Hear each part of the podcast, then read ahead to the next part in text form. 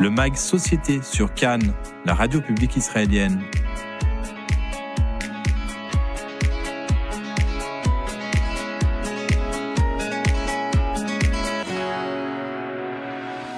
Joël Mergui, bonjour. Bonjour.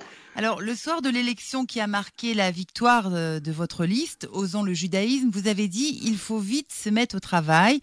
Quel est le chantier auquel vous souhaitez vous atteler euh, prioritairement? Qu'est-ce qui vous semble euh, urgent à mettre en œuvre? Alors, il faut vite se mettre au travail. Ça concerne beaucoup les nouveaux élus, puisque j'ai eu le privilège de, proposer à, neuf nouvelles personnalités, dont huit ont été élus, de rentrer au consistoire. Il est évident que les, élus qui sont déjà à l'intérieur de l'institution et, ceux qui ont été réélus étaient déjà au travail, sont déjà au travail depuis euh, des années. Alors euh, c'est vrai, le, le, bon, il y a beaucoup de chantiers prioritaires. Il n'y a pas un chantier. On doit défendre les Juifs, défendre le judaïsme dans un moment difficile.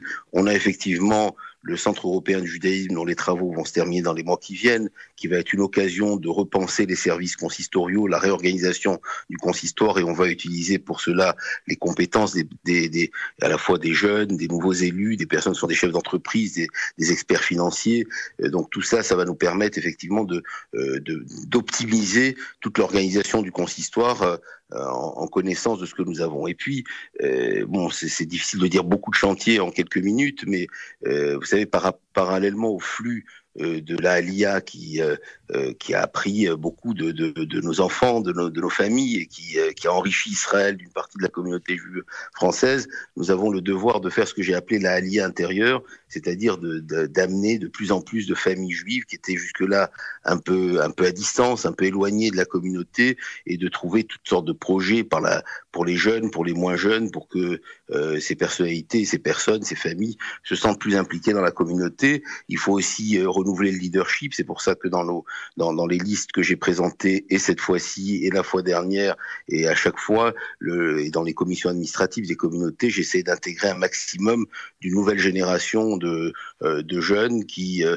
euh, vont s'impliquer davantage dans la communauté, justement pour penser l'avenir, pour réfléchir l'avenir, et, et, puis pour, pour prendre, pour assurer, pour assurer une relève. Justement, alors vous parlez de, relève, d'avenir, de leadership. Euh, quand chaque année on voit euh, 2, 3 000, 4 000, voire des fois c'est monté jusqu'à 7 000 personnes qui partent euh, vers Israël, quelle est, euh, dans votre tête, quelle stratégie on doit mettre en place pour continuer à assurer un service, évidemment, aux Juifs qui restent, et en même temps se dire que c'est un, phénomène inexorable. comment, pensez-vous euh, euh, cet avenir avec ce fait qui reste là tous les ans? Oui, alors d'abord, l'immense majorité des Juifs de France sont toujours en France. Hein. C'est un, premier, constat. Et euh, la tentation qu'on aurait pu avoir il y a quelques années de, de baisser un peu les bras en se disant bon, les Juifs s'en vont, donc on va, on va moins faire, est, inverse. C'est ce que j'ai essayé de d'impulser moi depuis euh, depuis une dizaine d'années que la LIA prend un, une importance plus plus grande. Euh, c'est d'impulser au contraire une plus grande implication de, de notre responsabilité de leadership, parce que nous avons le devoir de rapprocher des Juifs qui sont éloignés de la communauté. J'avais dit, souvenez-vous, au moment des grands départs, j'avais dit il faut remplacer les olim, c'est-à-dire il faut que chacun trouve dans sa synagogue, dans sa communauté, les personnes qui vont remplacer euh, ceux qui sont partis. Alors pour cela, vous savez, j'étais hier, à, par exemple, à La Rochelle où on a inauguré euh, une, synagogue complètement rénovée. La semaine dernière, j'étais à Amiens, où on a rénové la synagogue. Euh, on est en train de construire le centre européen judaïne dans le 17e et dans le 16e. Ça veut dire qu'on doit adapter nos structures à des nouveaux besoins. On doit être plus attractif, plus, euh, plus, plus, plus mobilisateur pour qu'effectivement cette immense majorité, la moitié des Juifs de France, ne sont pas impliqués dans la communauté. Et donc c'est notre responsabilité de trouver des moyens euh, de les impliquer. Je pense qu'il faut le flux de la Alia, on l'a toujours accompagné. On fait des cérémonies de Olim, on, rend visite régulièrement aux Olim en Israël, on se, on se préoccupe de leur, de leur devenir et, et, et de leur intégration. Et, et parallèlement, on, on, doit faire en sorte que le, le, vivier communautaire qui reste très important en France euh, soit, euh, soit toujours mobilisé. C'est pour ça que très souvent, je demande même le, le, la, la, coopération avec les autorités israéliennes parce que c'est win-win, c'est gagnant-gagnant. Plus on, plus on intègre de, de, de juifs à l'intérieur de la communauté et plus on assure à la fois l'avenir de notre communauté, à la fois l'avenir de, de, de, de, ce flux de Aliyah. Alors en 2018, le consistoire fêtera 200 ans euh, d'existence. Certains lui reprochent 210 ans. 210 ans. 210 ans. Alors, c'est vieux, en même temps, pas tant que ça, mais certains lui reprochent son immobilisme, euh, le comparent à, une vieille dame. Est-ce que ça ne. Qu'est-ce que vous en pensez, puisque justement euh, vous essayez de rendre la communauté juive traditionnaliste plus attractive pour, euh, pour attirer de nouvelles personnes dans son giron?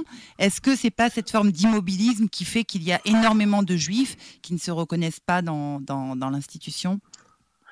Je, crois qu'il y, y, a plusieurs choses dans ce que vous dites qui sont effectivement vraies. C'est une vieille dame, c'est vrai que c'est une ancienne institution, mais elle a su à chaque fois à chaque moment de son histoire, le consistoire a su s'adapter aux défis du moment. Quand il a fallu défendre aujourd'hui euh, le, judaïsme français, on a été au, premier, aux premières loges de toute la défense du judaïsme français. Et euh, ça peut être une ancienne institution avec toute la, richesse de son expérience, la richesse de son patrimoine. La plus grande partie des grandes synagogues euh, françaises appartiennent au consistoire. Les grands services, les grands services qui sont rendus à la communauté juive appartiennent au consistoire. Et à la fois, il faut il faut voir la vitalité des communautés. Il faut voir les, différentes synagogues euh, qui sont pleine de monde. Il y a de plus en plus de jeunes qui étudient. Il y la, la, la, la, l'attrait de la communauté, c'est pas simplement de se dire je suis au consistoire. Des gens sont dans les communautés. Il y a une dynamique qui se fait. Il y a une cache-route qui est là. Il y a, des, il y a un nombre de restaurants euh, cachers qui a, qui a atteint euh, un maximum ces dernières années. Il y a une volonté de, de, de participer à, à, à, des offices. Il y, a, il, y a, il y a pratiquement plus de communautés aujourd'hui où il n'y a pas des offices matin, midi et soir, des offices réguliers le Shabbat qui sont pleins de monde. Donc il y a un foisonnement de la communauté qui est de plus en plus important. Et il y a effectivement à côté et c'est peut-être ça la richesse du judaïsme français un nombre de plus en plus important de juifs qui s'interrogent qui sont je, dis souvent qu'ils sont en mouvement. Ils sont en mouvement soit pour partir vers euh, vers Israël soit pour rentrer vers la communauté soit malheureusement pour s'éloigner de l'identité toute mmh. notre responsabilité euh, c'est d'être plus attractif je crois qu'on a euh, quand vous dites plus attractif euh, monsieur Mergui vous pensez à, à être peut-être plus ouvert plus tolérant? On a vu une femme qui s'est présentée sur la liste du consistoire. Est-ce que attractif, ça veut dire quoi quand on est président Mais je, je, je, crois, je crois, voilà, je, je l'ai dit. d'abord, d'abord, il n'y a pas qu'une femme. Nous serons aujourd'hui avec les élus qui viennent d'être en place à 10 femmes qui mmh. seront. c'est c'est-à-dire que on est 26 administrateurs, il y aura 10 femmes. Il y avait sur la liste que j'ai présentée 6 femmes et 7 hommes. Euh, je, je, crois qu'aujourd'hui, il faut dépasser, il faut, dé, il faut plus qu'on ait le complexe, que ce soit d'ailleurs, je le dis pour en France mmh. comme en Israël, de, de, de, vouloir opposer la modernité, de vouloir opposer le, à l'orthodoxie. L'orthodoxie consistoriale, c'est justement l'ouverture. Il n'y a pas une synagogue consistoriale ou une synagogue francophone en Israël, parce que c'est, on est sur un peu le, le même état d'esprit, le, oui. le même modèle, c'est-à-dire où il n'y a pas euh, assis les uns à côté des autres, euh, se côtoyant de façon, de façon régulière, des personnes très très pratiquantes qui étudient matin, midi et soir, et des personnes qui ne pratiquent pas encore ou qui sont très loin de la pratique religieuse, mais qui aiment bien se retrouver euh, mm. en famille euh, à l'intérieur de la communauté. C'est spécifique au judaïsme à la française que nous sommes en train d'exporter en Israël, euh, qui, est, qui est différent du judaïsme anglo-saxon où c'est plus cloisonné. Aujourd'hui, le judaïsme consistorial, c'est justement un judaïsme de l'ouverture et de la tolérance. Certains voudraient l'opposer au judaïsme moderne orthodoxe ou à, différents modèles qu'on qu voudrait importer. Non, moi je, revendique que notre modèle, il est, il est à exporter parce que c'est un beau modèle. C'est un modèle qui, euh, qui, permet justement d'avoir nos enfants euh, nos enfants autour de la table, euh, quel que soit leur degré de religiosité, et nos familles autour de la même synagogue, quel que soit leur degré de pratique. Et ça, je crois, c'est quelque chose qui est en soi déjà quelque chose de très attrayant et, qu'il faut continuer à promouvoir. C'est ce que nous essayons de promouvoir. Et, l'équipe consistoriale euh, qui m'entoure représente cette diversité. On a autour de l'équipe consistoriale des jeunes comme Emmanuel Cohen qui, organise un bêta midrage, qui est un, qui est un jeune euh, diplômé ingénieur du Technion et, des ponts et chaussées, qui est en même temps très pratiquant et organise un bêta midrage pour les jeunes. Une, une, une jeune comme Vanessa, euh, Vanessa Dahan, euh, qui, est, également très impliquée dans, dans la finance. Donc on a des, personnalités diverses qui ont, des profils très variés, qui correspondent à la communauté, qui ont un degré de pratique varié également, mais qui ont une conscience l'institution est, la colonne vertébrale de la communauté et que là, par contre, on doit respecter un certain nombre de règles euh, qui sont celles de la halakha, euh, celles qui sont édictées par nos rabbins. C'est pas notre rôle euh, de, modifier la halakha, mais par contre, notre rôle, c'est de rassembler autour de la communauté, autour de nos synagogues et autour de nos, structures un maximum de juifs. Et je, crois que c'est un mouvement qui est en marche parce que malgré les dizaines de milliers de juifs qui ont quitté la France ces dernières années, ils sont depuis le, début des années 2000, le nombre de personnes qui adhèrent au consistoire, le nombre de personnes qui sont, euh, je ne parle pas que du consistoire parce que c'est une dynamique le consistoire, je parle de l'ensemble des communautés. Dans, l'ensemble des communautés, il y a un nombre qui n'a pas, à, quelques exceptions de, régions plus dangereuses pour les juifs où les juifs sont en train de partir, il y a une dynamique communautaire qui continue à être très vivante, ce qui veut dire qu'il y a de plus en, il y a davantage de juifs qui étaient éloignés, qui se reconnaissent autour du message de la communauté juive et ça c'est ce que nous devons continuer à promouvoir. Vous parliez euh, de danger. Euh, on a vu en Belgique, tout récemment, le 28 novembre, le comité de coordination des organisations euh, juives de Belgique qui a déposé un recours en annulation devant la Cour constitutionnelle contre le, décret Vallon d'interdiction d'abattage sans étourdissement. Est-ce qu'il serait envisageable de penser qu'en France, un jour, l'abattage rituel soit interdit, la viande cachère menacée? Bah, notre combat, c'est pour éviter cela. Mmh. Notre combat depuis dix ans, euh, c'est que depuis que, que la, la, volonté européenne, et ça, ça tombe de, de, de, de, tous les pays, hein, la volonté européenne d'interdire l'abattage euh, sans étourdissement, ce qui rendrait complètement euh, caduque notre, notre abattage rituel, depuis que cette volonté existe, nous nous battons sur tous les fronts. Jusqu'à pré présent, la France a été à la France de, de, Sarkozy, comme la France de Hollande, comme la France aujourd'hui de Macron, sont, sont, ont toujours été à nos, à nos côtés.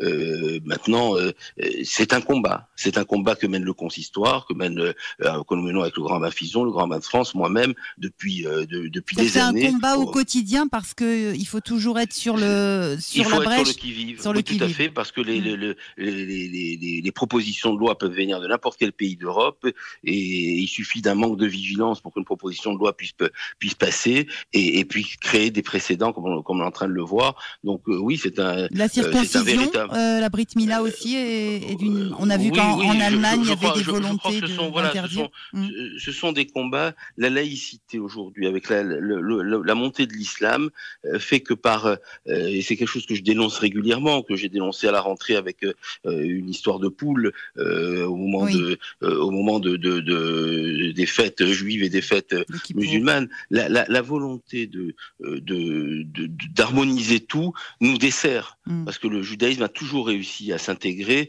à, s'adapter à toutes les civilisations et particulièrement en Europe.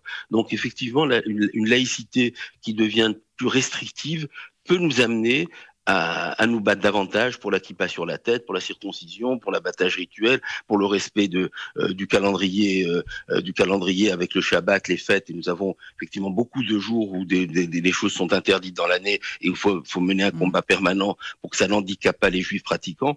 Donc c'est effectivement un, un combat que, que, que, je mène, que, que, mène le consistoire, que mènent les, les, différents responsables des communautés juives à travers la France, euh, pour, euh, pour que notre légitimité ne soit pas remise en cause, et puis pour, pour continue, pour qu'on continue à vivre notre, notre judaïsme sans difficulté. C'est vrai pour la majorité mmh. des cas, il y, a, il y, a, quelques difficultés supplémentaires par rapport à il y a dix ans, mais euh, nous devons effectivement rester sur le qui-vive, et l'élection qui vient de se faire, qui donne comme majorité très large à la, la, au consistoire que je, euh, que je préside nous donne encore plus de force et plus de légitimité parce que c'est vrai que euh, quand, on, euh, quand on voit qu'on est soutenu, euh, ça nous donne plus de poids dans notre parole.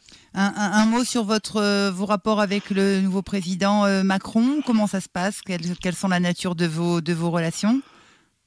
On, s'est on s'est rencontré longuement au moment de son de, son élection euh, avant l'été. Euh, le premier ministre est venu présenter ses vœux à la communauté juive à la synagogue Buffo et s'est engagé sur l'abattage rituel. Il s'est engagé pour les les les, les, étudiants euh, pour qu'on le respect de leur foi ne soit pas un handicap dans le dans, dans leurs études. Donc il, il y a et on a des relations constantes avec le ministre de l'Intérieur qui m'a appelé encore hier pour me dire que les ou avant-hier pour me dire que les ceux qui ont qui ont violenté euh, la famille Pinto a été ont été ont été mm. attrapés. Donc il y a il y a une relation qui, qui est une poursuite de la relation qui existe entre euh, le consistoire et, et les différents euh, ministères concernés par par nos actions. Nous allons rencontrer la semaine prochaine le ministre de l'Agriculture sur la question de l'abattage rituel. Donc il y a une relation constante. Maintenant, pour euh, faire des comparaisons, il faut du temps. On est là que depuis quelques mois avec ce, ce nouveau mmh. gouvernement, donc il faut un peu plus de temps pour euh, euh, pour pour jusqu'à présent il y a eu une réactivité, une écoute. Donc on, on va voir avec le temps euh, si ce qui, ce qui se passera.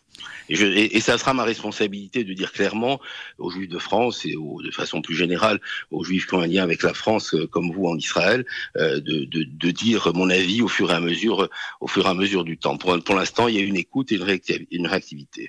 Merci beaucoup, euh, merci beaucoup Joël Mergui pour euh, pour ces quelques propos et puis on aura l'occasion peut-être de vous retrouver euh, sur d'autres faits d'actualité. Merci beaucoup et bonne journée. Avec plaisir. Merci, merci, merci beaucoup.